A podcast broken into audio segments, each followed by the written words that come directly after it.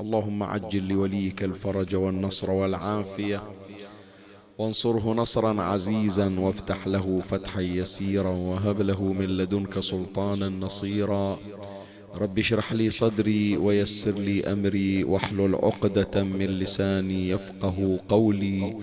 يا كاشف الكرب عن وجه أخيه الحسين اكشف كربي بجاه أخيك الحسين. نادي عليا مظهر العجائب تجده عونا لك في النوائب. كل هم وغم سينجلي بولايتك يا علي يا علي يا علي. يا أبا الغوث أغثني يا فارس الحجاز أدركني بلطفك الخفي ولا تهلكني. يا مولاتي يا فاطمة بنت محمد أغيثيني يا سيدتي. يا مفتح فتح يا مفرج فرج. يا مسبب سبب يا ميسر يسر الفتح والفرج منك يا فتاح يا عليم إياك نعبد وإياك نستعين. صلى الله عليك يا سيدي ويا مولاي يا رسول الله.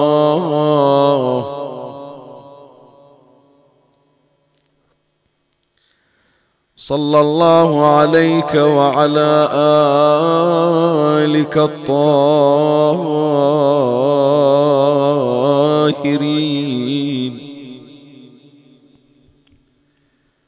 فاز من اعتصم بكم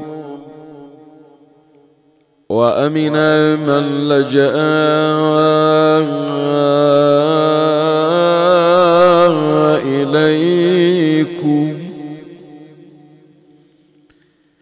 يا ليتنا.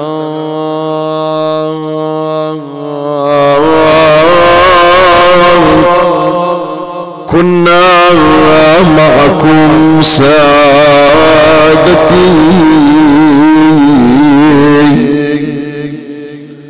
فنفوز فوزا عظيما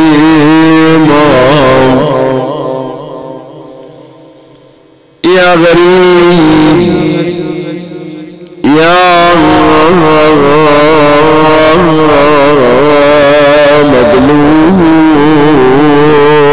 مظلوم كربلاء حيث المصائب جمة حيث المصائب جمة لا أدري ما منها أقص عليك إذ كلفتني. أمصيبة توديع حين خروجه. إذ قال يا جداه عندك ضمني. حيث المصائب جمة. لا أدري ما منها أقص عليك. إذ كلفتني أمصيبة التوديع. يوم خروجه إذ قال يا جداه عندك ضمني. لا حاجة لا حاجة لي في البقاء. فأجابه خير الورى بتفجع وتحزن.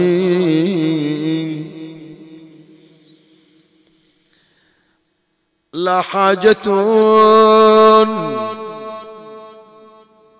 لا لا حاجة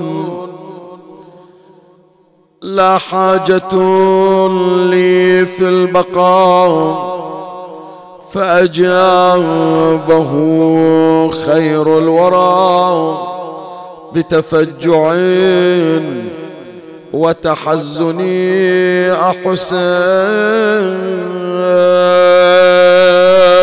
يا ريحانتي صبرا فذي دار بها كتب البلاء للمحسنين.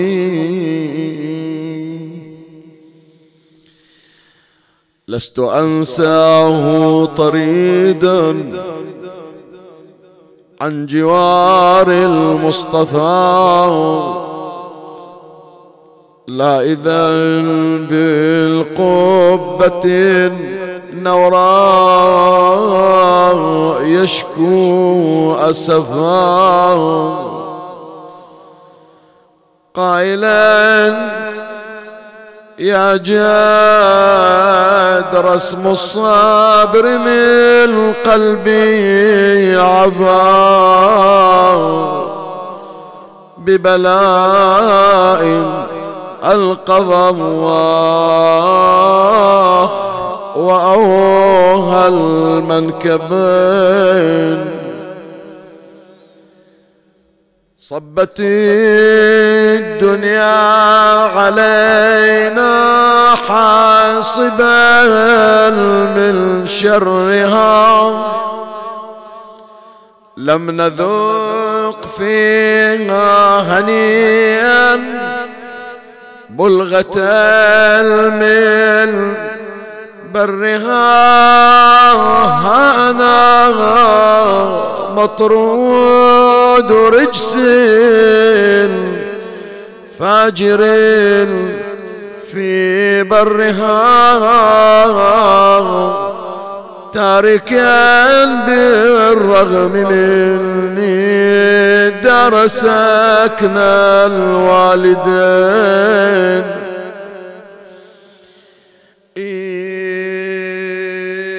يا حسين سافر واترك ديارك والأوطان.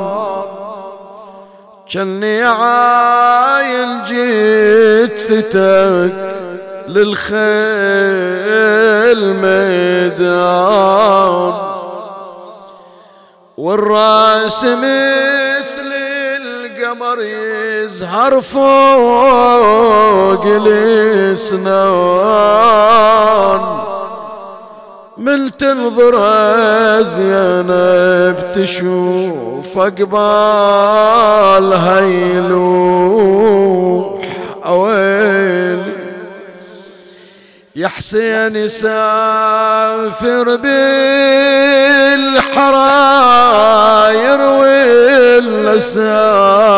والنساوين تنذبح يا ابني ونسوتك تدخل دياوي. خل تنصب الشيعة يا عليك يا حسين. وانت التنجيها ويصير الذنب مصفوح. تنجي يا عقلي بذبحك الشيعة من النار وبذبح شبانك وذبح أطفال الصغار وتصير لجلك كربلاء مقصد الزوار. من عالم الذر هالامور مكتوب باللوح. ملا عطية ينقل المحاورة بين النبي وبين الحسين. ويجيب طلب النبي إلى الحسين أن يأخذ أهله ويطلع ويروح إلى كربلاء. ما أدري إيش غير ملا عطية. ترك المحاورة. وترك الحديث بين النبي وبين الحسين. وقام هو ملا عطية يحكي ويانا. يوجه الخطاب إلى كل شيعي. تعلق قلبه بالحسين. إيه لكن بسائلكم يا شيعة ورد وجواب لو تنفني جملة الشيعة شيخ نوشاب يعادل تعفر خدبو سكنة بالتراب. لا والذي من قبل آدم علم الروح ولا أحلف بحيدر لو فنأت جملة الشيعة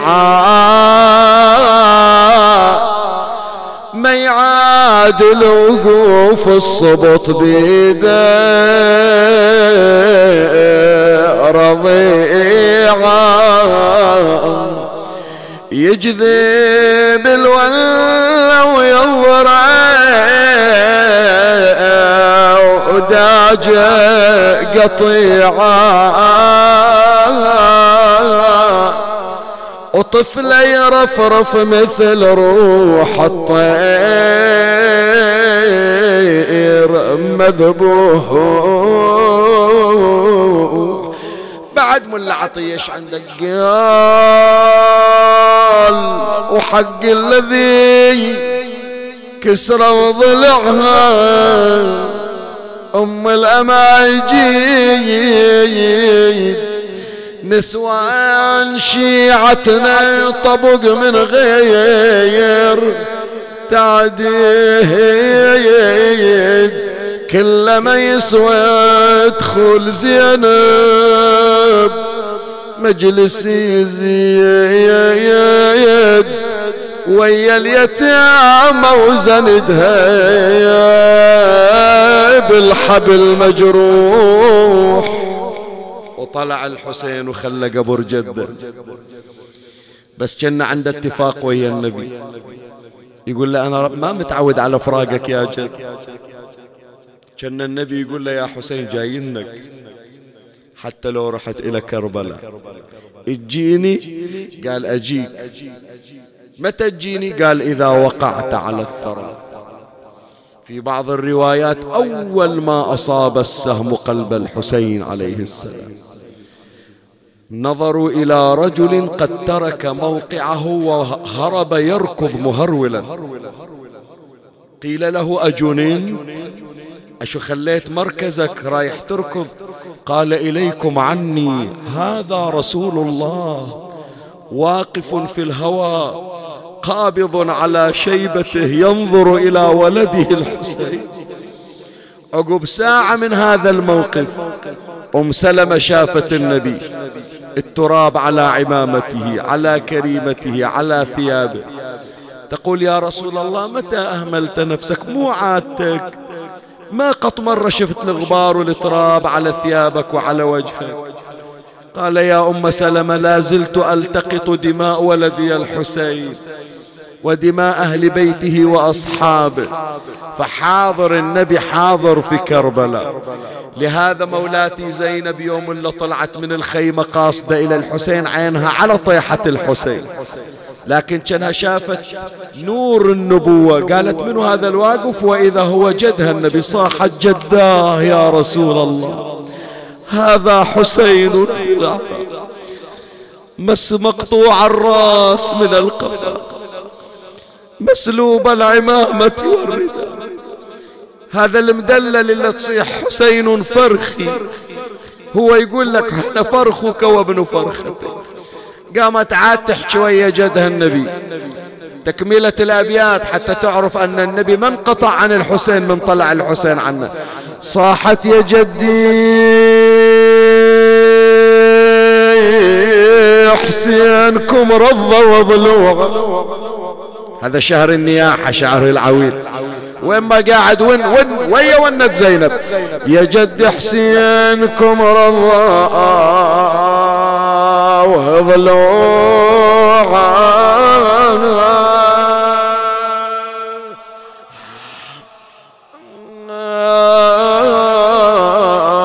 وضاق الموت راح بعد راح.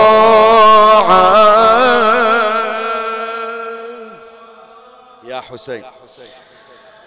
يا جدي يا جدي يا جدي ما حد وقف دونه. يا جدي ولا نغار غمض له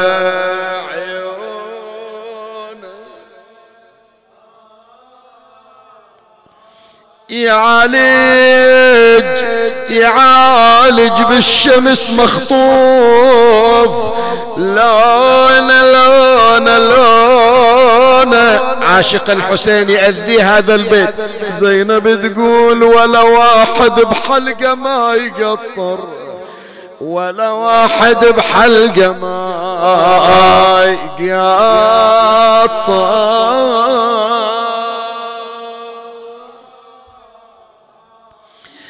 وداوي القلب شاجر على ابن أمي.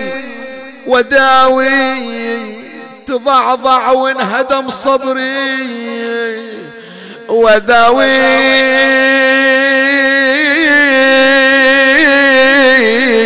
زينب تقول لا مذبوح حتى قعيد.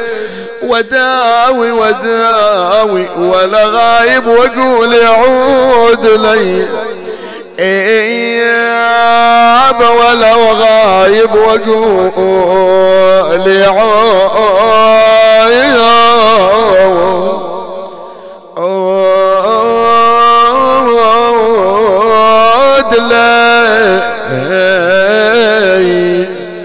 أنا أريد أدخل في الحديث. الأبيات كلها مكتفية.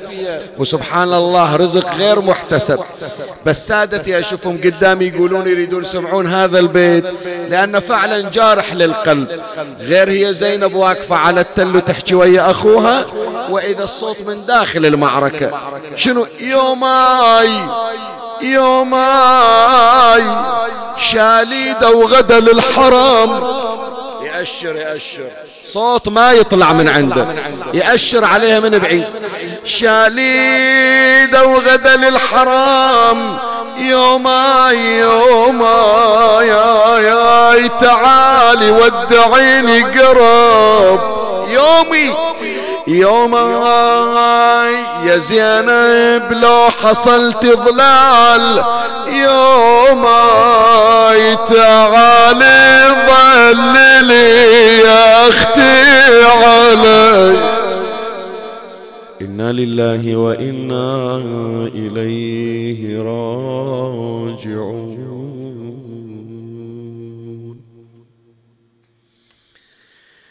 أعوذ بالله من الشيطان الرجيم. بسم الله الرحمن الرحيم. إن الذين يحبون أن تشيع الفاحشة في الذين آمنوا لهم عذاب أليم في الدنيا والآخرة. والله يعلم وأنتم لا تعلمون. آمنا بالله. صدق الله مولانا العلي العظيم. عنوان محاضرة هذه الليلة ترويج الانحراف. أرجو التركيز والدقة في ملاحظة العنوان لأن على هضمه وتلقيه سنستطيع أن نبني بحث هذه الليلة. ليس حديثنا عن الانحراف بما هو انحراف. وإنما عن ترويج الانحراف. هذا هو عنوان بحث هذه الليلة. وهذا ما أشارت إليه الآية المباركة بقوله عز من قائل يحبون أن تشيع الفاحشة. إن الذين يحبون أن تشيع الفاحشة. إحنا هذا المصطلح القرآني وهو حب إشاعة الفاحشة يحور بالمصطلحات الحديثة إلى ترويج الإنحراف. أكو شخص لعله مبتلى بالمعصية مبتلى بالرذيلة مبتلى بالفاحشة. وأنا دائما يا أحبائي كما عهدتم مني في السنوات السابقة وحتى في المجالس المتخللة في أوساط السنة لا بد أن أؤكد على هذا الأمر وهي نظرتنا إلى العاصي والمذنب. لأكثر من مرة كنا نؤكد عليه هناك من الأفكار التي تدعو إلى إقصاء المذنب إلى إبعاد العاصي إلى مصادرته. دائما إحنا لو تسأل عن أي شخص مذنب عنده ذنب معصية دائما البعض من المتشددين راسخ في ذهنه أن هذا العاصي والمذنب لا يمتلك رصيدا في الحياة لا من علم لا من معرفة لا من حسن تدبير. يعني ذنب واحد كأنما يشطب كل امتيازات هذا الشخص العاصي. وهذا خطأ. المذنب قد يكون عنده كثير من الامتيازات سواء على المستوى السلوكي على المستوى المعرفي على المستوى الإداري إلا أنه وأؤكد على هذه العبارة مبتلى بالمعصية مبتلى بالرذيل والمبتلى يحتاج إلى معالجة. أهل البيت صلوات الله عليهم حينما نقرأ في سيرهم وحينما نمر على أخبارهم نجد أنهم أحيانا يتعاملون بشدة مع العاصي والمذنب. وتارة أخرى لا يتعاملون مع وهي أكثر يتعاملون مع المذنبين ومع العصاة بالرفق واللين وبالتدريج وفي وبمحاولة تغييره. وأنا لست بصدد استعراض هذه الشواهد لأن مطلبي وبحثي مطلب مستقل. فعودا على بد مرات يصير عندك شخص مذنب عاصي عنده والعياذ بالله فاحشة يمارسها ولعله مواظب عليها إلا أنه الظرف أوقعه في ذلك الذنب. أي ظرف؟ ما ندري الظروف متعددة. مرات ظرف المحيط. مرات ظرف التربية. مرات ظرف التقية. ظروف متعددة. ظروف متعددة حكمت عليه انت ليش تشوف نفسك تهيأت لك أسباب الاستقامة؟ أنت رزقك الله تبارك وتعالى أن خرجت في بيئة صالحة بيئة مستقيمة. في أجواء مآتم وحسينيات ومساجد وصلوات جماعة وتعليم ديني في المنطقة. كل هذه الظروف ساعدتك وحثتك على على الاستقامة والانضباط. أكو آخرين لظرف من الظروف وقع فريسة الذنب. أحيانا حتى بعض الأعذار يا إخواني غير مبررة. شلون غير مبررة؟ يعني مرات واحد يقول شيخنا أنا لأني ارتكبت معصية وارتكبت ذنب. الناس اضطهدتني. الناس عاملتني بشدة. الناس أبعدتني وأقصتني. فصارت عندي ردة فعل. ردة الفعل يا إخواني فعلا هي غير مبررة. لكن العلاج مو أنه أنا أزيد في إبعادك وفي إقصائك. أقعد وياك ونشوف الطريق الأمثل والمنهج الأقوم لتصليح ما قد فات شلون؟ الآن أفرض مثلا طالب عندي بالمدرسة. رسب في الامتحان. طلعت عنده درجات متأخرة. ردة فعله شنو؟ ردة فعله قال قررت. غير أنا رسبت ما إلي وجه طالع المدرس ما إلي وجه طالع المشرف ما إلي وجه طالع المدير ما إلي وجه طالع زملائي. فأنا قررت أترك الدراسة. زين. ردة فعله أنه يترك الدراسة. هل هذا صحيح؟ هل أنا أج أجاري على هذا الأمر؟ قطعا مو صحيح. زين. هل أيضا سكوتي على ردة فعله؟ المدرسة لما تقول ما يريد يدرس بكيفه. المشرف لما يقول ما جاء السنة يداوم ما يريد يدرس على هواه. الأب بعد يقول على كيفك. الناس والمجتمع تقول على كيفك. إذا ساعدته على الخطأ. فصار المخطئ كم واحد؟ اثنين. هو لأنه راهن على ردة الفعل والمجتمع اللي ساعد على تصور أن ردة الفعل شيء طبيعي وشيء منطقي. لا تحمل الذنب فقط للعاصي والمذنب هذا خطأ كبير. من تقرأ في سيرة أهل البيت تشوف عندهم إبداع في العالم التنموي. شوفوا شلون غيروا العصاة. وأنا يمكن جايب هذه الكلمة في الأعوام السابقة وسامعين من عندي. ترى بعض الشخصيات اللي إحنا نذكرها من شعراء من غير شعراء من أشخاص رجعوا إلى أهل البيت. ترى في وقت من الأوقات كانت عندهم خطايا وخطايا لعلها في قاموس اليوم لا تغتفر. بس أهل البيت ما عندهم هذا الكلام. عندهم ما دام موجود بذرة صالحة في القلوب. إذا أنا أشتغل عليه. وهذا الفن يا إخواني هذا الفن. حطوا بالكم للكلمة اللي أقولها. أقول هذا الفن والإبداع. الفن والإبداع مو كل واحد عاصي راح تشخط عليه. مو كل واحد عنده ذنب. بتجيب كم واحد؟ إذا أنا الآن فرضا أقول هذا مثال. شايف الآن الوضع الاحترازي اللي موجود في فيروس كورونا؟ يوقف واحد وشايل هذا شو يسمونه للحين؟ ما أدري شو يسمونه. هذا ها؟ مال الحرارة شو يسمونه؟ اي هذا اللي يقيس الحرارة. ما أعرف للحين المصطلح الإنجليزي. أيا كان إذا أشيك أشوف إذا درجة الحرارة تناسب أدخله وهذا أطلعه. هذا أخليه يدخل الماتم ذاك أطلعه. شايف؟ على حسب درجة الحرارة. بشرفك لو عندنا جهاز يقيس الذنوب كم واحد بيدخل الماتم؟ إيه احسبها أنت. كم واحد بيدخل؟ لو عندنا جهاز كاشف للذنوب. خاف أقول يزعلون من عندي أول ما شيخهم وراه رئيس الماتم وراه كوادر الماتم. ليش؟ لأن رسول الله صلى الله عليه وآله يقول كل ابن آدم خطاء وخير الخطائين التوابون. فإن تكون أنه تقصي واحد وما تخليه يدخل هذا مو فخار لأن هذا موجود بالدنيا. إنما إبداعك أن تقول لي أن شخصا عاصيا استطعت أن تغير. واستطعت أن تجعله من كوادر المأتم. هذا الفن. هذا الفن. مو طارد لي ناس من الحسينية. قول هذا اللي أنا جبته من بيئة بيئة مخدرات بيئة انحراف.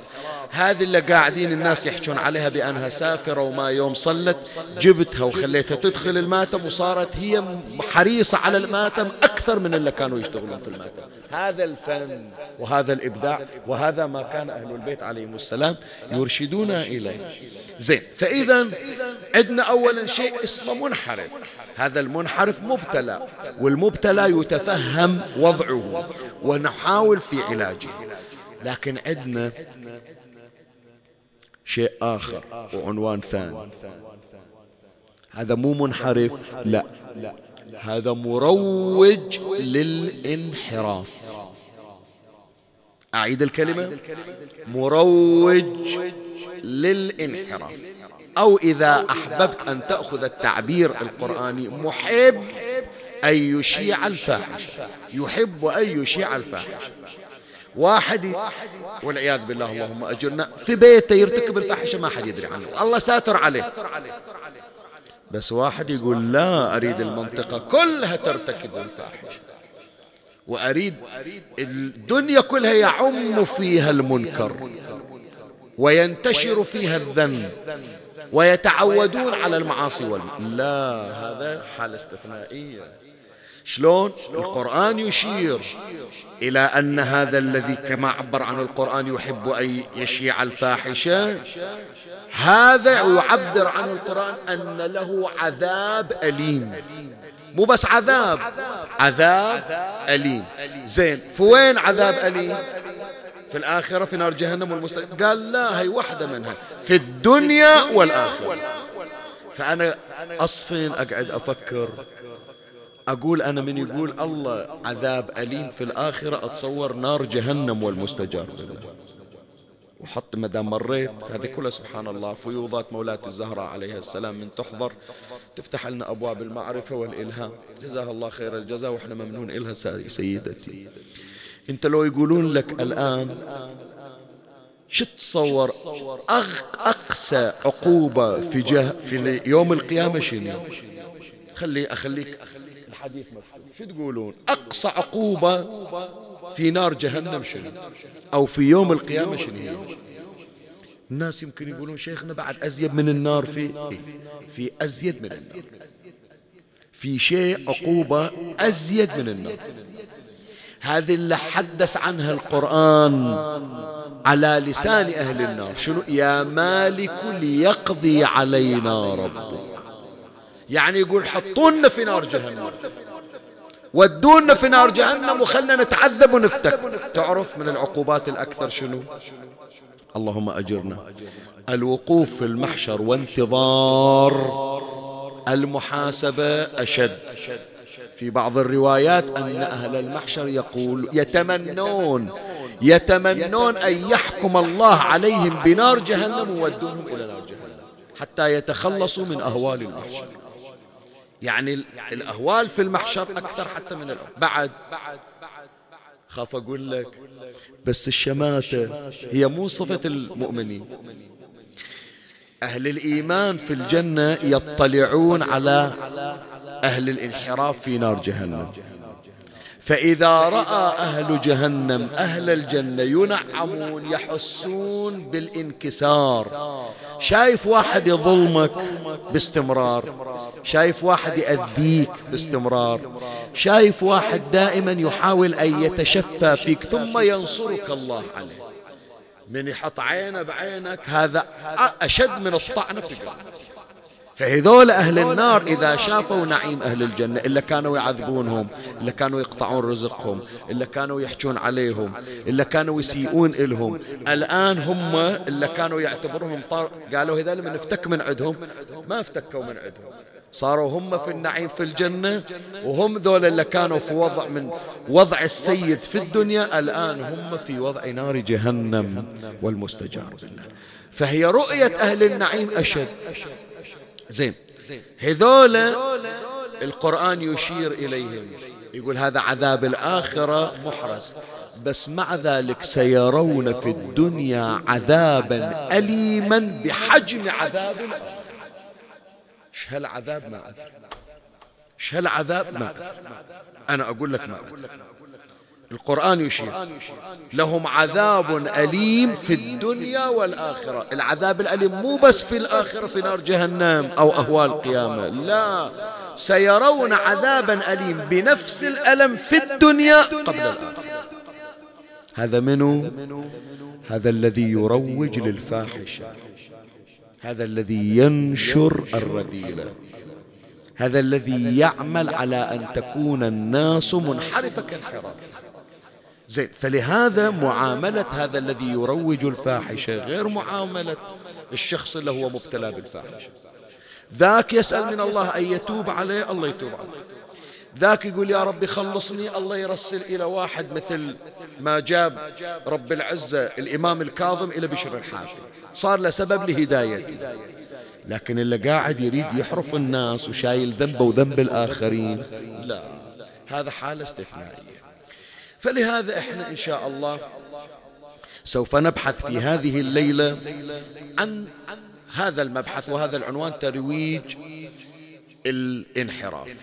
إحنا هذا المطلب هذا المبحث عرضناه في المجلس السابق الذي كان قبل ساعتين أو ثلاث ساعات في مأتم الغرب في بني جمرة. وأنا أحب أن أنوه أنه عادة المحاضرات تأتي بعناوين مختلفة. إحنا عندنا محاضرة ليلية وعندنا محاضرة نهائي نهار محاضرة نهارية مختلفة. يعني محاضرة اللي تكون في النهار غير عن محاضرة الليل. وعلى اعتبار أنه أحيانا محاضرة الليل تمتد وكذلك النهار فإحنا نضطر إلى تقسيمها على المجلسين. فإحنا القسم الأول من محاضرة هذه الليلة ذكرنا فيه لماذا المنحرف يريد أن يروج الانحراف. ليش؟ زين أنت اقعد ببيتك ومارس الذنب ما حد يدري عنك ليش تريد أنت تخلي الناس مثلك منحرفين؟ وتحببهم في الجريمة. شنو أسبابها؟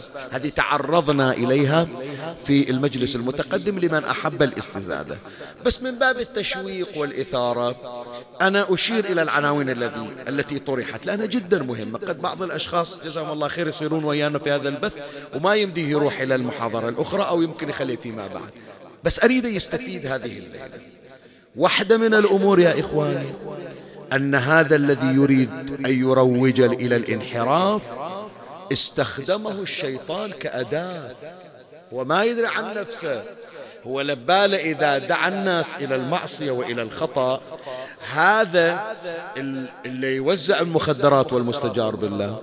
هذه الفتاة التي تغري الفتيات لممارسة الفاحشة والرذيلة. هذه اللي فاتحة إلها حساب في الانستغرام أو حاطة إلها مثلا حساب في تويتر وعوض أنها تنقل كلمة لإرشاد الناس وتجيب كلمة توعوية تتغير في نفوس الآخرين. لا حاطة إلها حساب جنسي والمستجار بالله أو حساب فتن. هي على بالها هي اللي تشتغل. ما تعرف بأن إبليس قد جندها. وأن الشيطان قد وظفها عنده في معسكره وفي جيشه. ويا ريت مثل بقية الجنود. أكو واحد يدخل في سلك قوة الدفاع والعسكرية ويمشون له راتب. هذا لا. هذا يشتغل إلى إبليس ويخدم إبليس ومجان. وفوق هذا ينزل عليه البلاء. فإذا واحد من أسباب ترويج الانحراف عند المنحرفين والعياذ بالله أنهم صاروا أداة إلى الشيطان. من ترجعون إلى المحاضرة السابقة في مأتم الغرب في بني جمرة. راح تشوفون نقاط جدا مهمة. كيف تختبر نفسك أنك جندي إلى الشيطان أو إلى الله عز وجل؟ هذا أنا جبت بهذا التعبير في ذاك المجلس. test test سامع عن ال test الفحص. شايف إذا واحد يريد يفحص نفسه؟ هو مصاب أو غير مصاب إذا أردت أن تختبر نفسك في لحظات تقدر تعرف نفسك أنك دخلت في سلك الشيطان أو لا. مجند عند الشيطان وأنت ما تدري لو لا هذا في المحاضرة السابقة. أنا الآن في مقام الاستعراض حتى الباقي من البحث أقدر أجيبه الآن بارتياح. ويكون هيكلية الموضوع كلها واضحة عند السامعين. الثاني من أسباب ترويج الانحراف ذكرنا في المحاضرة السابقة خلق ستار من معاصي الناس حتى يغطي على معاصي. هو بروحه في المنطقة قاعد يمارس الرذيلة وكل الناس تطالعه وكل الناس تحكي عليه.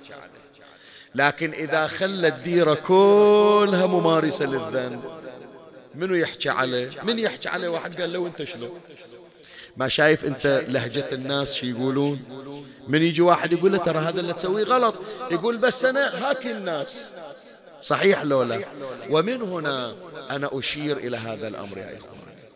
وأوجه خطابي إلى الإعلاميين وإلى أي شخص يريد أن يكون مادة إعلامية. يا إخواني لا يصير عندكم أنس بنشر الأخبار خصوصا أخبار الحوادث وأخبار الاعتداءات من سرقات من اغتصاب من غيره. أنت شنو غرضك من تنشر هذا في, في الإعلام؟ سابقا كانوا ينشرون يعني إحنا أدركنا ذاك العهد في الصحف في المجلات في الجرايد يجيبون الخبر إذا يريدون يبينون حكم مثلا صادر من المحكمة يجيبون الخبر في سطر أنه اليوم حكم على ما يذكر الاسم يحط مثلا حروف رمزية على سين يعرفون فلان فلان ابن فلان الأحرف الأولى من اسمه. تمام؟ يحطون رموز حرصا على هذا المتهم. اللي يقضي الآن عقوبة. يمكن باكر يطلع ويصير خوش آدمي. ليش أفضحه؟ شوف اللي كان عندهم من التزام في السابق بعد أنا غرضي أنه أبين الحكم حتى أعلمكم بأنه أكو هناك شغل في المحكمة وأكو أحكام وأكو أغراض من وراء نشر القضية. في المحاكم أنا الآن ما تستحضرني. يعرفونها أهل القانون يعرفونها المحامين والقضاة بس أقول كانوا يكتفون بمجرد الإشارة. حكم اليوم على فلان ابن فلان الرمز ابن الرمز بهذه العقوبة بتهمة حيازة المخدرات. انتهى. الحمامي الحين يسوي لك فيلم سينمائي وقبض عليه وفي المكان الكذائي وكان يحمل من كذا كذا وكان يحمل من كذا كذا وكان يحمل من كذا كذا ويجيب لك أنواع المخدرات ويجيب لك الكمية وإذا عنده اعتداء على جريمة شرف يجيب التفصيل كأنما حاط لك فيلم. حتى هذا الولد الشاب يقول كاتبين في الجريدة ما أدري شنو اسم كذا مخدر اسم كذا مخدر اسم هذه شنو اللي يحجون عنها؟ يقول لك هذه بهالقد هذه رخيصة هذه الشكل مفعولة فتتوق نفس الشاب إلى الانحراف. مو هذه وظيفة الإعلام يا إخواني ولا أدور فقط أنا السبق الصحفي.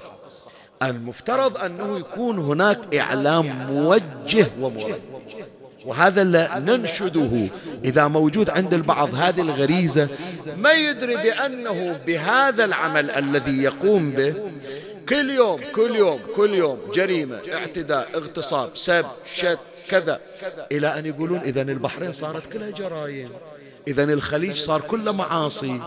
باكر إذا واحد صار عنده معصية ويجي تحاكي ليش تسوي يقول هو بس أنا. روح شوف الدنيا إيش صاير فيها. أنا بالعكس أنا أطلع ملاك قدامهم. شايف؟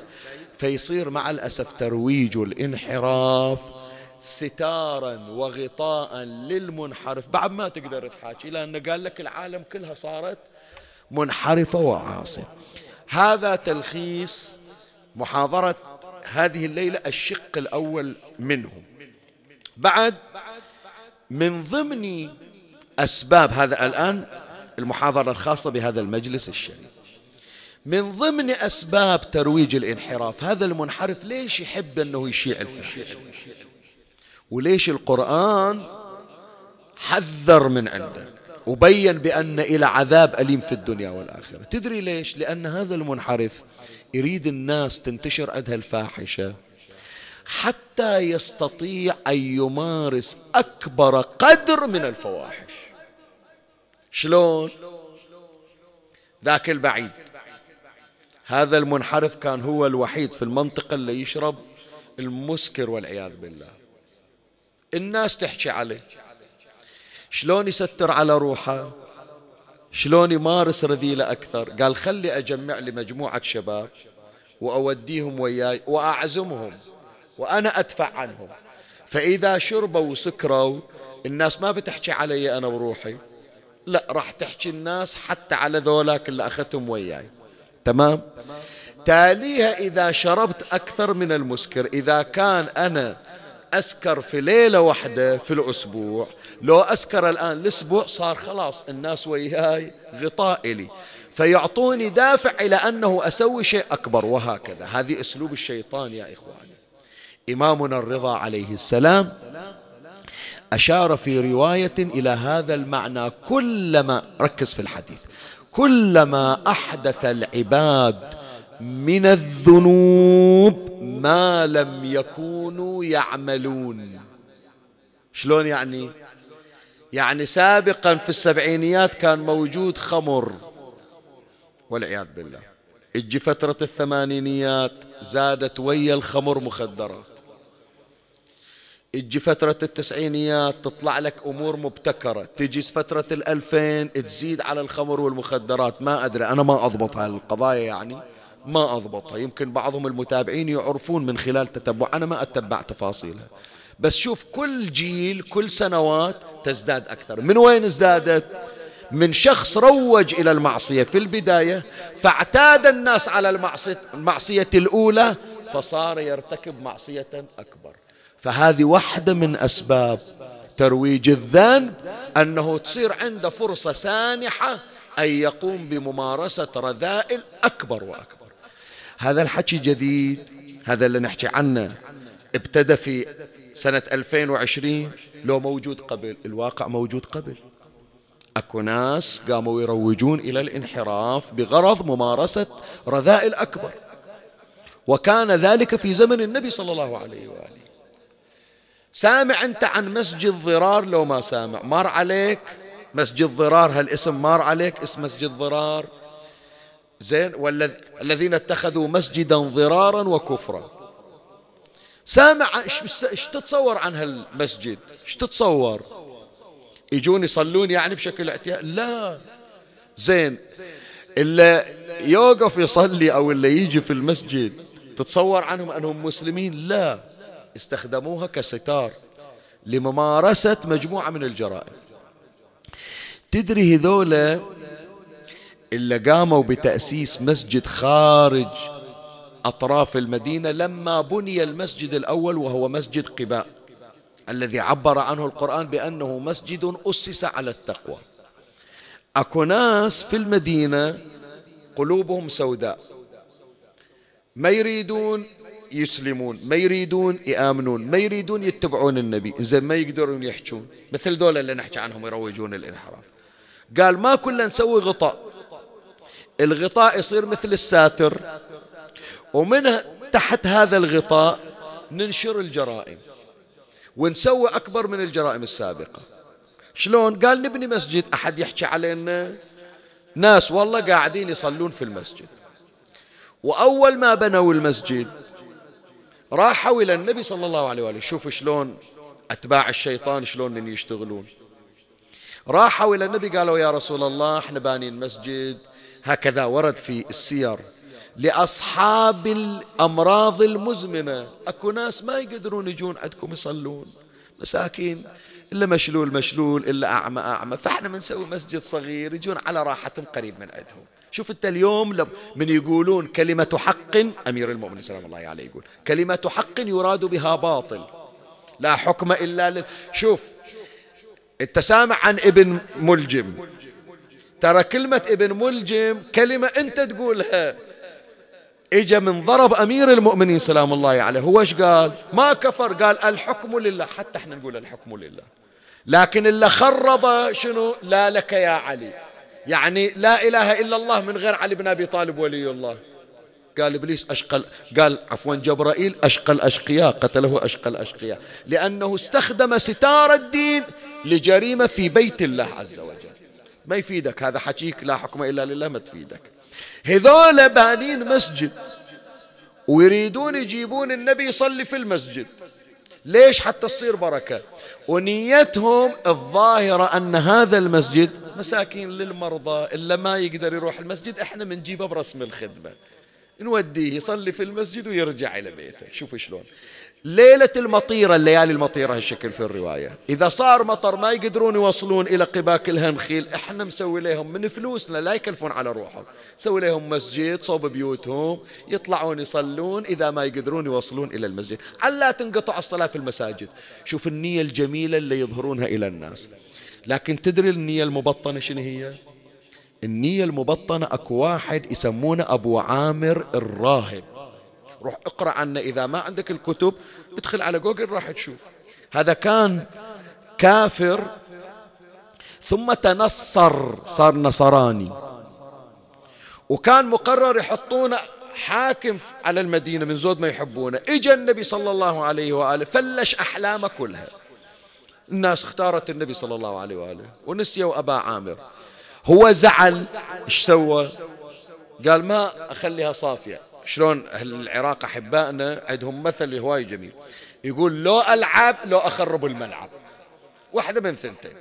تلعبوني لو أخرب ملعبكم. هو هذا قال. أما تخلوني حاكم على المدينة وإلا المدينة أقلبها عليكم. أنتم محمد. لا ما نريدك. إيش سوى؟ طلع من المدينة. وين راح؟ راح إلى الشام. يريد يروح إلى قيصر ياخذ من عند المدد حتى يحارب النبي ويحارب الإسلام. هذول اللي سووا مسجد ضرار كان نيتهم يجيبون أبو عامر الراهب حتى في المسجد يدبرون مؤامرة لقتل رسول الله. أنت بس فكر فيها يعني. أنا الآن من أصفين أقول لي زين هذا اللي يريد يقتل النبي من يوقف يصلي شلون يقول أشهد أن محمد رسول الله؟ شو يقول في التشهد؟ كيف أشهد أن محمد رسول الله؟ وتريد تقتل محمد؟ أنا ما أفهم هذه. بس حتى تعرف شلون أكو ناس يستخدمون الترويج للانحراف تحت مظلة دينية وإلى يومك هذا أكو ناس يستخدمون الدين لمآرب شخصية ومآرب سياسية ومآرب أخرى. إجوا إلى النبي قالوا يا رسول الله كن تصلي عندنا حتى المسجد يصير مبارك والناس تتشجع وتجي. النبي قال إحنا عندنا شغل خارج المدينة من أرجع راح أجيكم ونصلي. في طريق عودة رسول الله صلى الله عليه وآله. نزل عليه جبرائيل وأخبره بخفايا نفوسهم.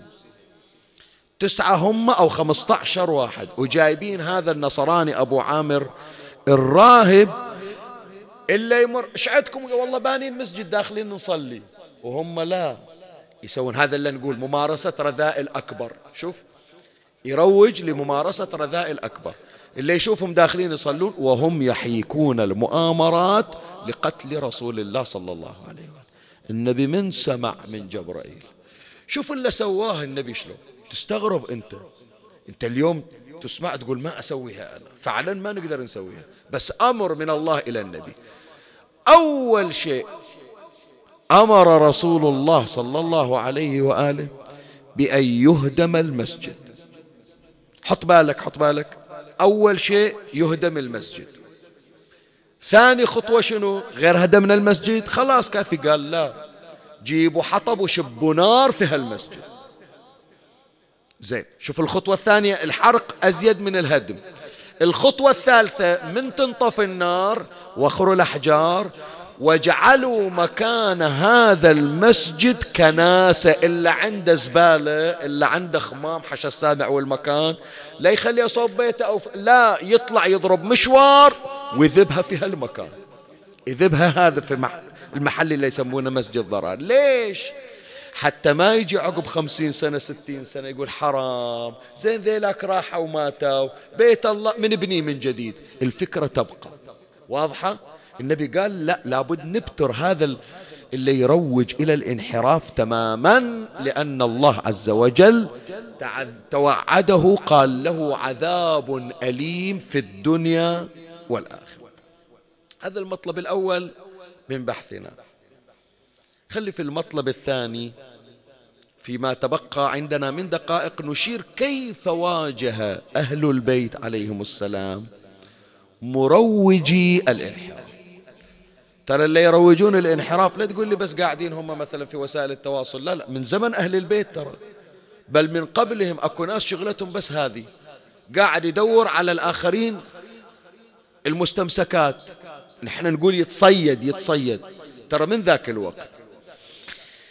نموذج أول في زمن أمير المؤمنين سلام الله عليه. جاء رجل إلى أمير المؤمنين عليه السلام يسعى بشخص. ما عنده شيء. شلون ما عنده شيء؟ يعني هذا لا عنده مسألة شرعية ويثيرها في المسجد ولا عنده معلومة والناس تنتفع من عندها ولا حافظ إلى ذكر ويجي مثلا يذكر الله في المجلس واحد خالي الوفاض كيس فارغ. زين شلون يقعد؟ وأنا أتعجب يا أحبائي. مرات أنا ما عندي شي مفلس. بس أجي أقعد ويا ناس أهل ذوق أهل فهم وأتلقى من عندهم. أنا يا إخواني لا يزعلون من عندي أحبائنا دائما أنا أستمع أنا عندي احترام إلى جلاسي وإلى المتابعين. ويهمني أن لا أحدث في قلوبهم شيء حتى ولو كانت كلمة حق لا أريد أن تكون سببا لخدش مشاعرهم بل أنتقي أفضل الأساليب. وإن أصبت فإن ذلك من الله وإن أخطأت فإن ذلك من نفسي وأنا معرض للخطأ وأقوم بإرشاداتكم وتوجيهاتكم. فلهذا تشوفون دائما أنا أطلب رضا المستمعين لأن رضا خدام أهل البيت ورضا وفود وزوار الحسين هو رضا للحسين عليه السلام. وأحاول أن أوصل الرسائل بأفضل وسيلة ممكنة.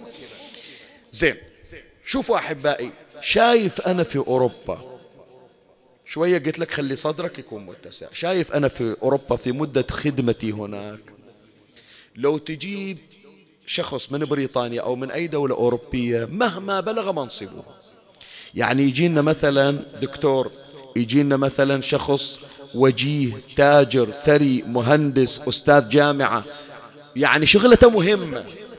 لكن هذا إذا كان فرضا دكتور جراح ما يعرف بالدين أو دكتور جراح ما عنده معرفة بالتاريخ يجي يسأل عندك يقول أنت من وين؟ تقول له أنا من البحرين. هي البحرين وين؟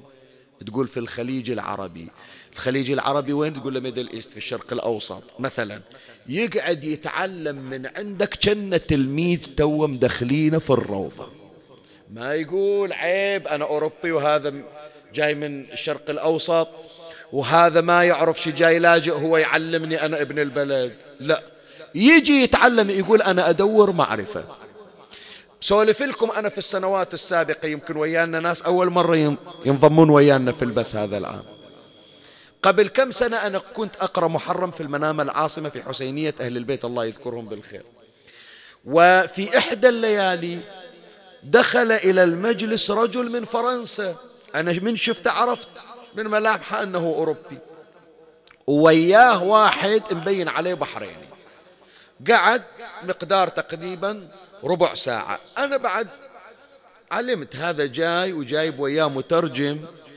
وجاي يريد يعني ما دام جاي مترجم يعني أكيد شنو؟ جاي يريد يتعرف على المجالس. كان عندي محاضرة وكان عندي موضوع معين. بس قلت حرام هذا الأوروبي يطلع ما يكسب معلومة. على الأقل يعرف شنو عند البحرين في موسم عاشوراء. فمقدار خمس دقائق وجهت رسالة إلى هذا اللي جاي ما كانت من ضمن الباحث. خليتها هامشية معزولة سبرت مثل ما يقولوا. عقب ما تبين هو كأن مراق للكلام فقعد كان مقرر عشر دقائق ربع ساعة ويطلع. قعد. عقب انقضاء المجلس جاي ويا أولاده أذكر أولاده اثنين. ولابس أسود وأولاده هم لابسين أسود. أسأل المترجم يقول لي ترى هذا فرنسي وذولا أولاده الاثنين. قلت هذا يشتغل في البحرين؟ قال لا. زين إيش جاي يسوي؟ قال هذا جاي سايح. عزم يصيف في آه، الخليج العربي فاختار البحرين. إجا نصيبه صار محرم. أول ما طلع شاف سواد شاف أعلام ساكن في المنام هو يسأل صاحب التاكسي شنو القضية أنتم عادة تعلقون سواد؟ قال لا محرم. شنو محرم؟ قام ذاك بعد آه، السايق سايق التاكسي يعطيه إشارة مدة الطريق بس. ثارت المسألة. قال أنا باكر راح أرجع إلى فرنسا. يقولون لي شفت في البحرين. وش أقول لهم؟ قعدت هالمدة شفت سواد ولا أدري ليش. قلت له زين إيش سوى؟ قال شيخنا أنا واحد أعرف فرنسي. إجا هو يدور حدوه علي أرشدوه إلي. قال أدفع لك كل يوم ما أدري كم قال المبلغ كل يوم أدفع لك مبلغ بس تدور بي من مكان إلى مكان من حسينية إلى حسينية. كل حسينية نقعد فيها ربع ساعة. نشوف ذول الخطباء شي يقولون وأنا أدفع لك. من مصروفه الخاص. هذا بدل ما يطلع إلى بار أو يطلع إلى مثلا منتزه أو شيء قاعد يصرفها على مترجم. يقول أريد أعرف ذولا شي يقولون؟ ولا واحد يجي يشحن دماغي بحكي عليهم وأنا ما أعرف. الليلة يقول لا كنا جازت إلى كذا المحاضرة فظليت قاعد وياه ما طلعنا ظلينا عندك. وإجا ليلة الثاني بعد هذا الشخص الأوروبي.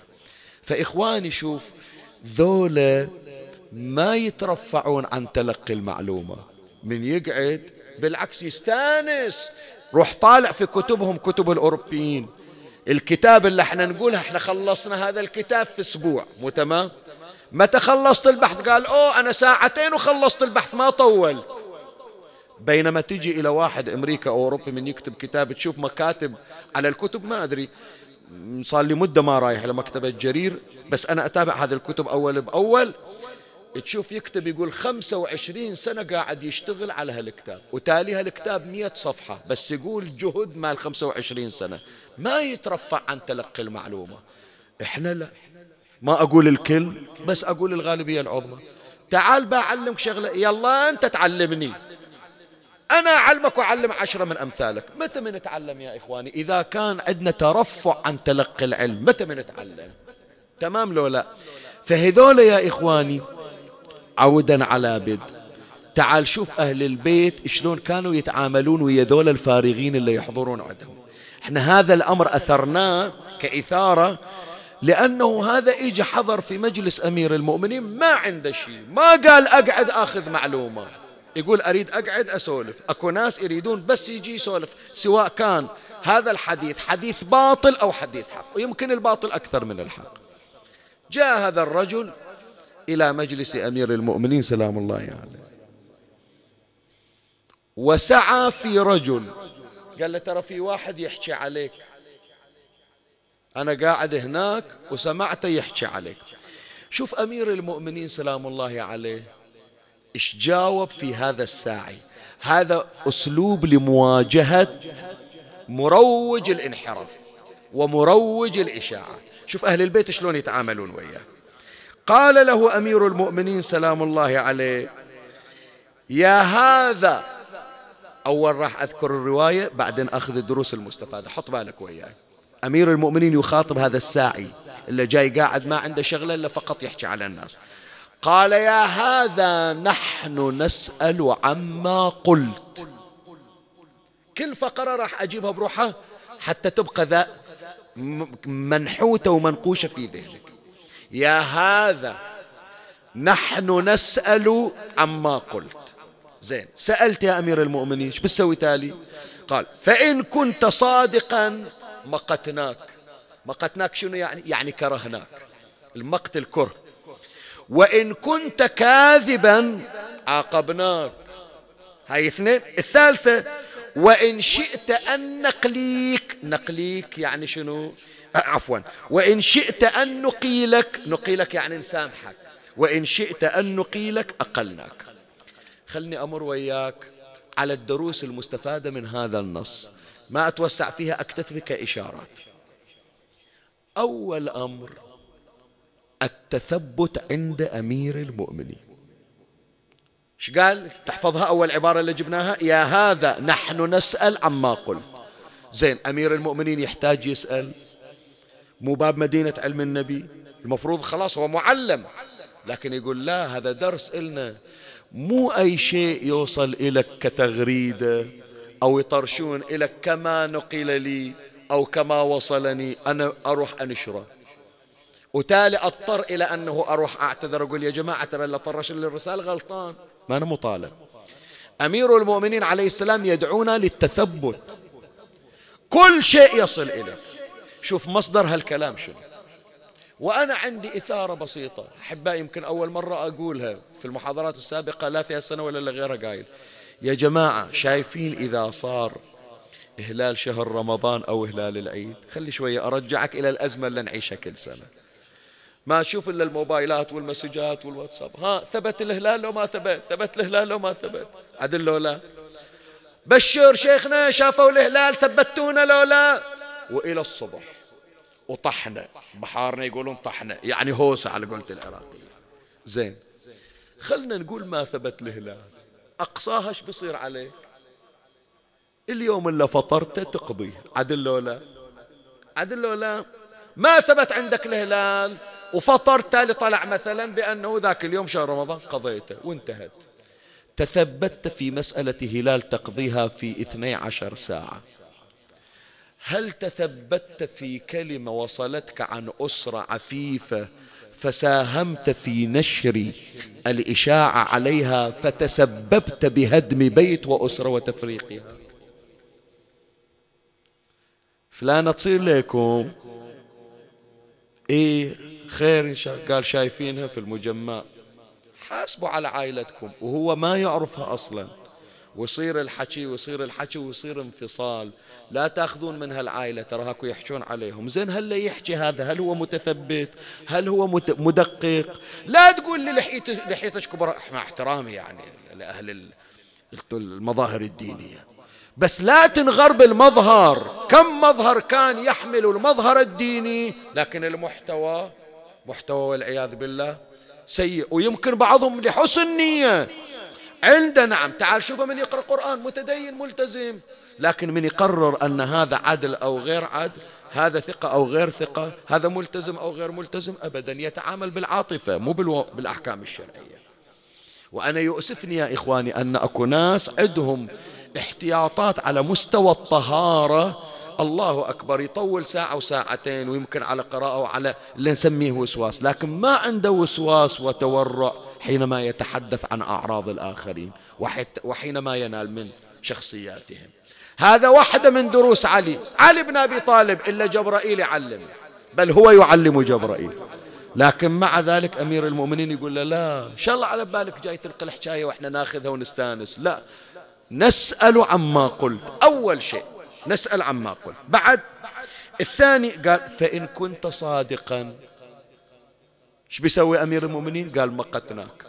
زين صادق الصادق يكرهونه. أنت عندك واحد ما ما كذب. صدق. هذا تكرهه؟ لا بس يقول أمير المؤمنين نكره. ليش؟ قال هذا اللي بيتعلم كل يوم من يقعد جايب لنا إشاعة وفتنة. أول ما يحضر. ما سمعتون الأخبار؟ فلان. وأكو ناس والعياذ بالله. شهوة أنه يروح ينبر إحنا نقول في البحرين. يفتش يدور. وأكو ناس سبحان الله عسى ما يشوف واحد طايف لحقه بالسيارة وين رايح؟ وين كذا؟ حتى يقول ترى شفناك. عمي عيب هالحكي. الدنيا أسرار. ما تدري أنت. كم واحد اتهم ثم علموا بأنه كان سبب في إعاشة عوائل وما يدرون عنه. أمير المؤمنين قال له حتى لو كنت صادق إحنا ما يصيرنا ناس هالشكل قاعدين بس يتناقلون أخبار. شنو ما عندنا شغلة إحنا؟ هذا كراهة مجالسة المروج للانحراف. اثنين ثلاثة شوف العبارة الجميلة من عند أمير المؤمنين. هذه من أروع العبارات ومن أجمل الدروس. أمير المؤمنين يقول يا هذا نحن نسأل عما قلت فإن كنت صادقا مقتناك. حكينا عنها. وإن كنت كاذبا عاقبناك الكاذب لازم يعاقب. والدرس الثالث وإن شئت أن نقيلك أقلناك. يعني فرضا شفت عليك غلط. الغلط هذا مو مباشرة يسبب في المقاطعة. أنا أفسح أفتح لك صفحة جديدة. أنا أربيك أنا مو جاي وظيفتي أنه كل واحد أطرده لا. تعال خلي أعلمك شلون تقعد في مجالس الرجال. تعال أعلمك شلون مجالس المتدين. تقعد ويانا وتصير منا حياك المكان. القلب مفتوح لك أكثر من المكان. تبغى تقعد؟ لا بس تنشر الإشاعات عمي الله وياك هذا منهج علي. منهج علي في المواجهة. أولا يتثبت ثانيا لا يقبل مجالسة مروج الانحراف ثالثا إذا وجد شخصا كاذبا يعاقب. لو كل واحد إحنا اغتاب عاقبناه كذب الناس وقفت. لكن إحنا ما نعاقب على الخطأ.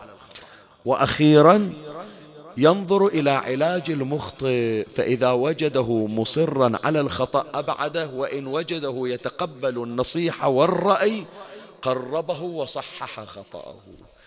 بذلك يكون قد أنهيت بحثي لهذه الليلة. أضع نقطة آخر السطر هلم معي. خلنا نشوف النموذج الأخير وهو نموذج سيد الشهداء الحسين ابن علي سلام الله عليه. شلون كان يواجه هؤلاء المروجين للانحرافات؟ لما جيء بالحسين عليه السلام في مجلس الوليد ابن عتبة ابن أبي سفيان وطلبت من الحسين البيعة. الحسين رفض أن يبايع. موقفه عدم قبول البيعة للحاكم الذي كان متواجدا آنذاك. ليش؟ عدة أسباب عند الحسين. واحدة من الأسباب يقول هذا الشخص مستحيل أحط إيدي بإيده. ليش أبا عبد الله؟ قال في وصفه معلن بالفسق والفجور. شوف العبارة. ما قال فاسق وفاجر. ذكرها في عبارة أخرى. قال لو كان فاسق وفاجر من اشتغل عليه. بس المشكلة مروج.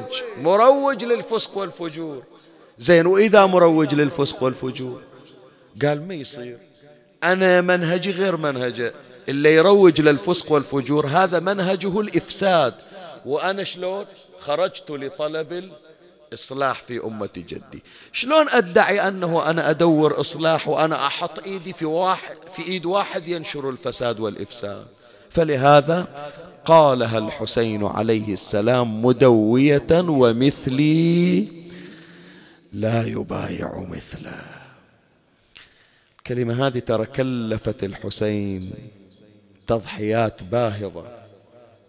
خصوصا أن هناك من المتربصين من كان حاضرا في ذلك المجلس. مروان بن الحكم رأى الحسين يريد أن يخرج من المجلس من غير بيعة فالتفت إلى الوليد ابن عتبة ابن أبي سفيان قال يا وليد احبس الرجل. يعني احبس الحسين. وخذ منه البيعة وإن أبى فاضرب عنقه. ودمه في رقبتي فإن فاتك الثعلب فلا ترى إلا غبارا والحسين الغيور الأبي إلا ما ينام على الضيم منو أبوه؟ علي بن أبي طالب. من أم فاطمة الزهراء لما قبلت تبلع الضيم وطلعت خلف أمير المؤمنين. لما سمع الحسين قال يا ابن الزرقاء أنت تقتلني أم هو كذبت والله وأثمت ثم قال يا وليد اعلم أن أهل بيت النبوة وموضع الرسالة ومهبط الوحي ومختلف الملائكة بنا فتح الله وبنا يختم. ثم أشار إلى ذلك الحاكم الذي لا يريد الحسين أن يبايعه قال ومثلي لا يبايع مثله ولكن نصبح وتصبحون وننظر وتنظرون. كلمة الحسين كانت بغضب ارتفع صوت الحسين. وهي ما ارتفع صوت الحسين وإذا بباب القصر قد انكسر. وإذا بسبعة عشر قمر هاشمي. يتقدمهم بدر كأنه الأسد الهصور. جاء عند الحسين وجثى على ركبتيه كما يجثو الأسد.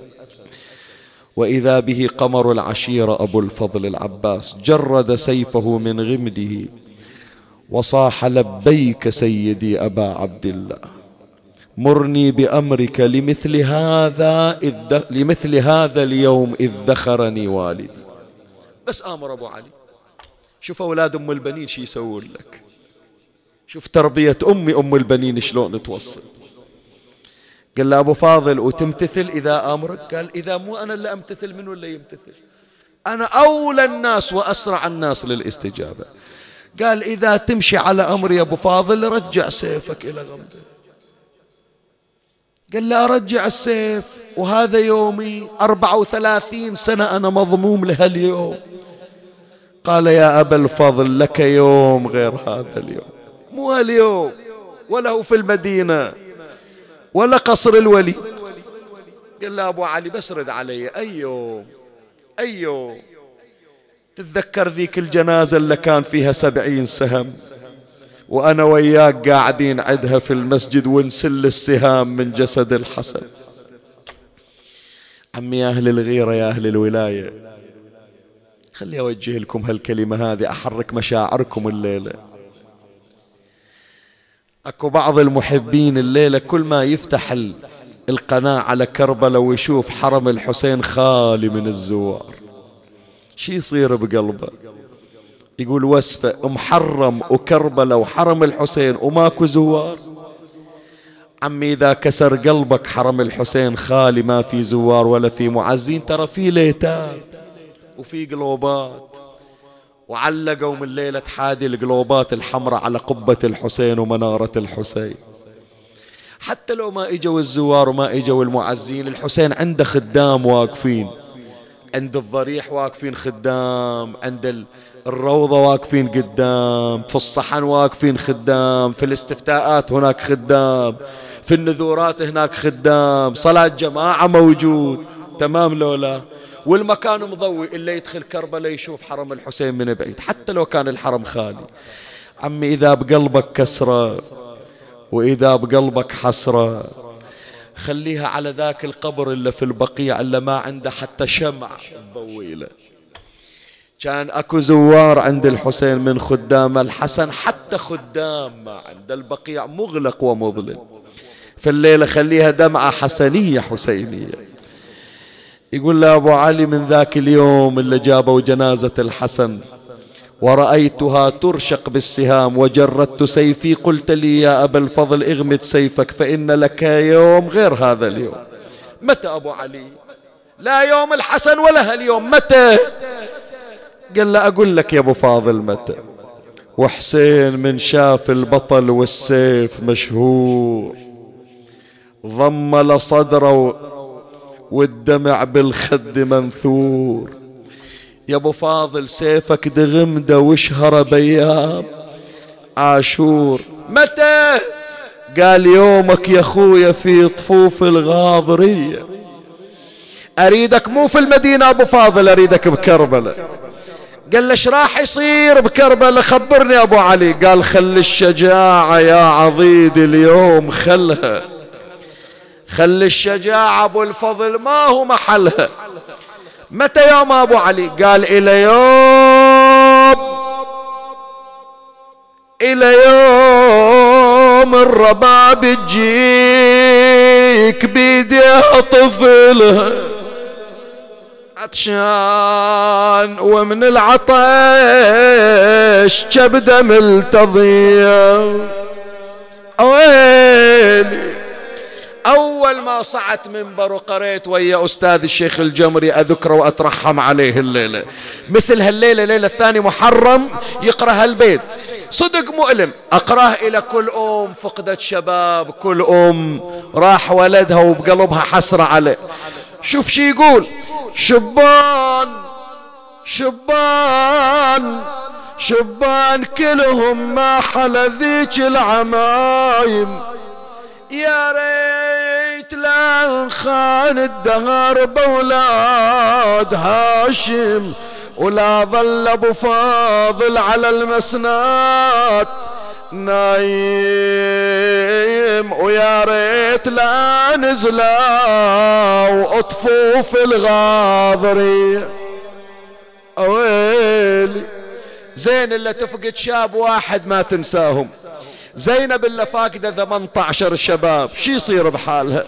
زينب تعاين وهم تصفق راح نبراح تصيح يا دهر الحلو وياهم وراح. أفراح يا ربي لا تبدلها بلا راح الله يعين أهلي بيوم الغاضريه رجع حسين ومعه إخوته وأهل بيته أدخلهم إلى الدار. ومضى حسين إلى مقبرة المدينة وجاء إلى قبر المصطفى ورمى بنفسه على قبر جده. وهو ينادي جداه يا رسول الله أنا حسين بن فاطمة. تذكر يا جدي تذكر. تذكر من تجي تسمع صوتي وأنا أبكي بحضن أم الزهرة وتوقف على الباب وتصيح فاطمة سكتي. أما علمتي أن بكاءه يؤذيني. ما ترضى علي وأنا بحضن أمي قوم شوفني اليوم شلون مطرود يا جد. أنا الحسين بن فاطمة. جدك فرخك وابن فرختك وصبتك الذي خلفتني في أمتك فاشهد عليهم يا رسول الله فلقد ظلموني وهضموني وطردوني وهذه شكواي إليك حتى ألقاك. وحط خد أبو علي على القبر ودمعة تصب. وروى تراب القبر من دموعه.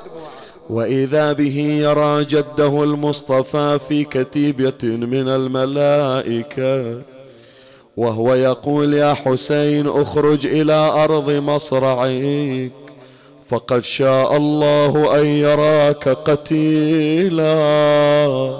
زين يا جد أطلع أنا ويا إخواني. قال لا.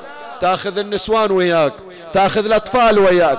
ليش شاء الله أن يراك قتيلا ويرى نساءك سبايا؟ أقرأها للسادة هذه. لازم زينب تدخل يقولوا الحبال بإيدها. لازم رقية تموت على رأسك يا أبو علي في الخرابة. ويرى نس نساء كسبايا على ظهور المطايا. وإن لك في الجنة درجات لن تنالها إلا بالشهادة قام الحسين وين على القبر ضمني.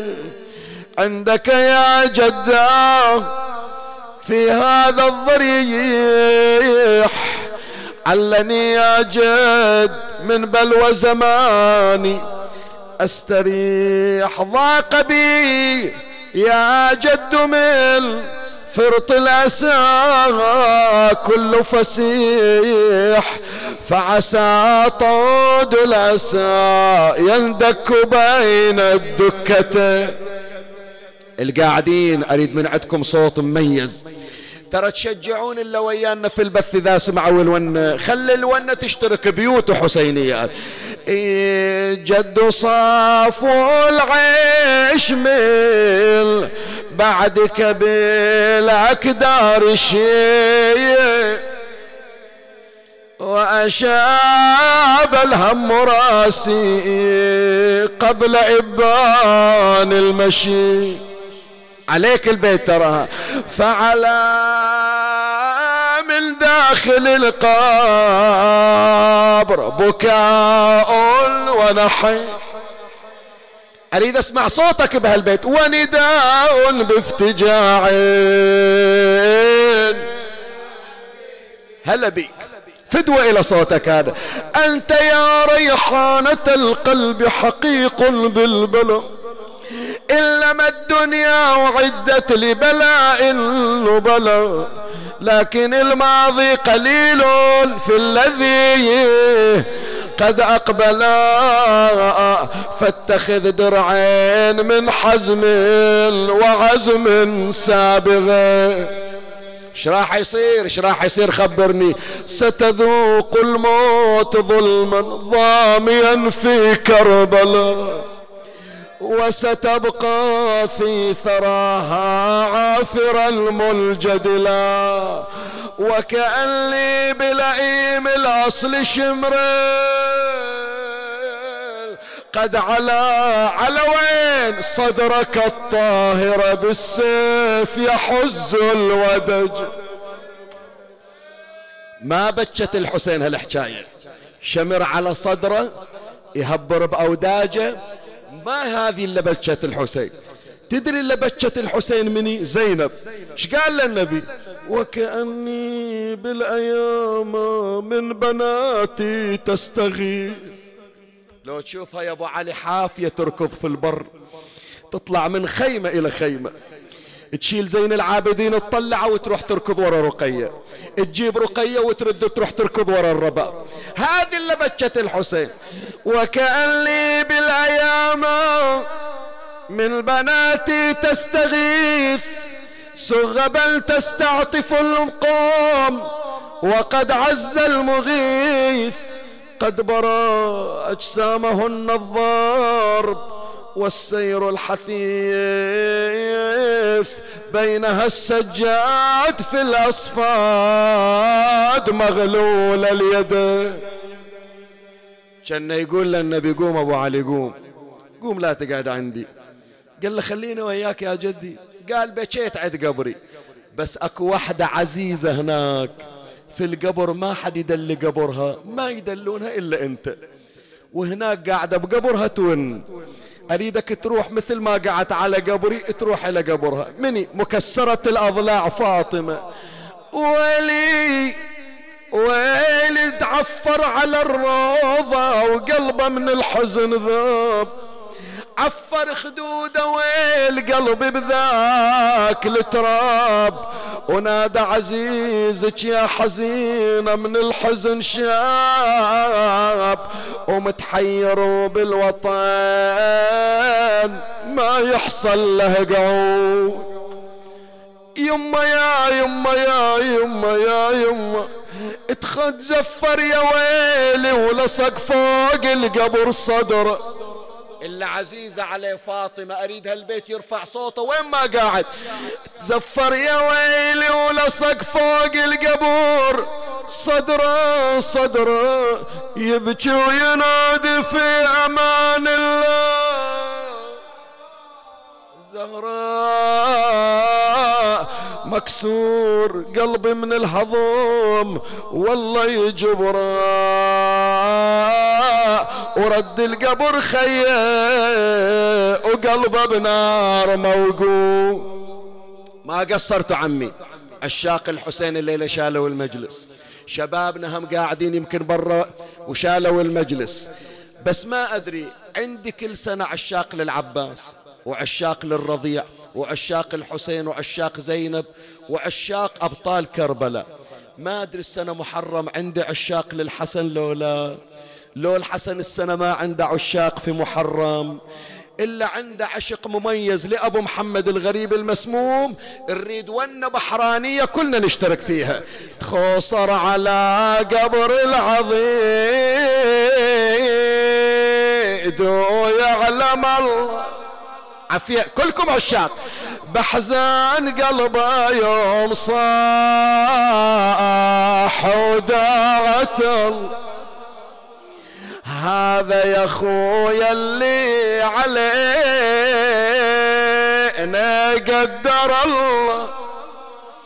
سمك ذبحي من قبل تكوين الوجود. بيت الختام ارفع صوتك. انت قضيت اللي عليك من المني. وعالجت غصتها وضل اللي علي. لازم يا خويا انذبح في الغاضري. وعندي علم من طلعتي للوطن معو اسمعني يا أبو محمد إيش أقول لك؟ والله وحق الحسين ثلاثين سنة أنا على المنبر هاك كل قراية مسجلة ما قريتها بحياتي. لو ما أعطوني إياها أصلا ما أدري عنها. كان الحسن يقول للحسين يقول له أبو علي يوم طاحت كبدي أنت اللي جبت الطشت وقعدت عند راسي. وما خليت قطعة من كبدي تطيح على الأرض. تلق ليش تصيح عمي؟ ليش تصيح؟ شوية يلزم روحك. تمنيت يا أبو علي أنا أجيب لك طشت وأحضر عندك وقت الذبح مثل ما حضرت عندي وقت الموت. وكان الحسين يقول له أبو محمد أبو محمد الطشت مو أنت اللي تشوفه أنا اللي أشوف طشتك لكن طشتي تشوفه واحدة ثانية عزيزة. تنظر إليه زينب ويزيد يضربه بالخيزران ويكسر أضراسه وتصيح أنا وين وين الدواوين؟ أنا مخدرة عباس. خرج الحسين من المدينة خائفا. كخروج موسى خائفا يتكتم يا الله. اللهم صل على محمد وآل محمد. إخواني أنا ألتمس منكم الدعاء. عندنا مجموعة من المرضى خصوصا بعض المرضى حالتهم جدا حرجة. منهم من يتلقى العلاج بالكيماوي منهم من ينتظر عملية العملية خطيرة. نحن على مائدة سيد الشهداء. بصوت واحد أينما كنتم. بسم الله الرحمن الرحيم. أما يجيب المضطر إذا دعاه ويكشف السوء. أما يجيب مضطر إذا دعاه ويكشف السوء أما يجيب المضطر إذا دعاه ويكشف السوء يا الله. إلهي بالمضطرة بين الحائط والباب. إلهي بالمضطرات من النساء في أرض كربلاء إلهي بالمضطر تحت حوافر الخيول. إلهي بالمضطر في قعر السجون. إلهي بالمضطر الذي إذا دعاك أجبته وكشفت عنه السوء. يا الله اقض حوائجنا وحوائج المحتاجين. من دعوناك لأجلهم من سألون الدعاء من ينتظرون منا أن ندعو لهم. اللهم اشفهم بشفائك وداوهم بدوائك وخلصهم من بلائك. يا الله. من كان محروما من الذرية ارزقه الذرية الصالحة. أرنا صلاح أبنائنا وبناتنا وفق اللهم بين الأزواج والزوجات. اللهم زوج كل أعزب اللهم زوج كل عازبة اللهم ترحم على أموات وأموات الباذلين والسامعين والحاضرين وشيعة أمير المؤمنين. اللهم أعدنا على حال خير من هذا الحال في خير منك وعافية. لا تفرق بيننا وبين شعائر الحسين طرفة عين أبدا. أوصل ثواب هذا المجلس إلى أموات الباذلين والسامعين وشيعة علي ومحبي فاطمة سيما من لا يذكره ذاكر يا رب العالمين. مشفوعة بالفاتحة مع الصلوات.